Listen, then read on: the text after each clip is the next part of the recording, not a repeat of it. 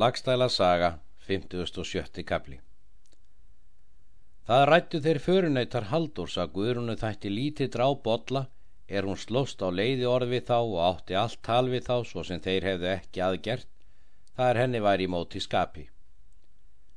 Þá svarar Haldur Ekki er það mín ætlan að Guðrunu þykji lítið lát bolla. Hygg ég að henni gengi það meir til leiði orðs við oss að hún vildi vita sem gerst hverji menn hefðu verið í þessi ferð. Er það þó ekki ofmæli að Guðrun er mjög fyrir öðrum konum um allan skörungskap. Það er og eftir vonum að Guðrunu þykir mikið lát botla því að það er satt að segja að eftir slíka menn er mestur skadi sem botli var þó að við er frændur bæri megi giftu til samþykis. Eftir þetta ríða þeir heim í hjarðarholt. Þessi tíðindi spyrja sprátt víða og þóttu mikil var bolli heið mesta harmdauði. Guðrún sendi þegar menn að fund snorra goða því að þar þóttust þau ósvíur eiga allt traust er snorri var.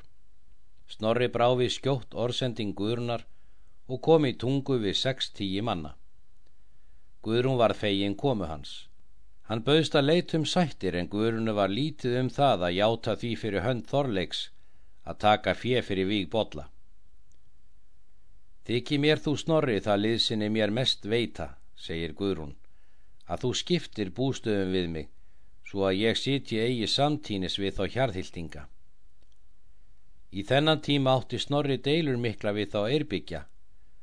Snorri hvaðst þetta myndu gera fyrir vinnfengi sakir við Guðrúnu, en þó myndu Guðrún þessi misseri verða búa í tungu. Býst nú snorri í brott og gaf Guðrún honum virðulegar gjafir. Rýður nú snorri heim og var kýrt að kalla þau misseri. Hinn næsta vetur eftir víg botla fætti Guðrún barn. Það var sveit, sá var botli nefndur. Hann var snemma mikill og vætt. Guðrún unni honum mikill. Og er vetur sá líður af og vor kom, þá fer fram kaup það sem rætt hafi verið, að þau myndu kaupa um lönd Snorri og Guðrún réð Snorri í tungu og bjóð þar meðan hann lifði. Guðrún fer til Helgarfells og þau ósvífur og setja þar bú saman risulegt. Vaksa þar upp sínir Guðrúnar, Þorleikur og Bodli. Þorleikur var þá fjögur að vetra gamall er Bodli var veginn, fadir hans.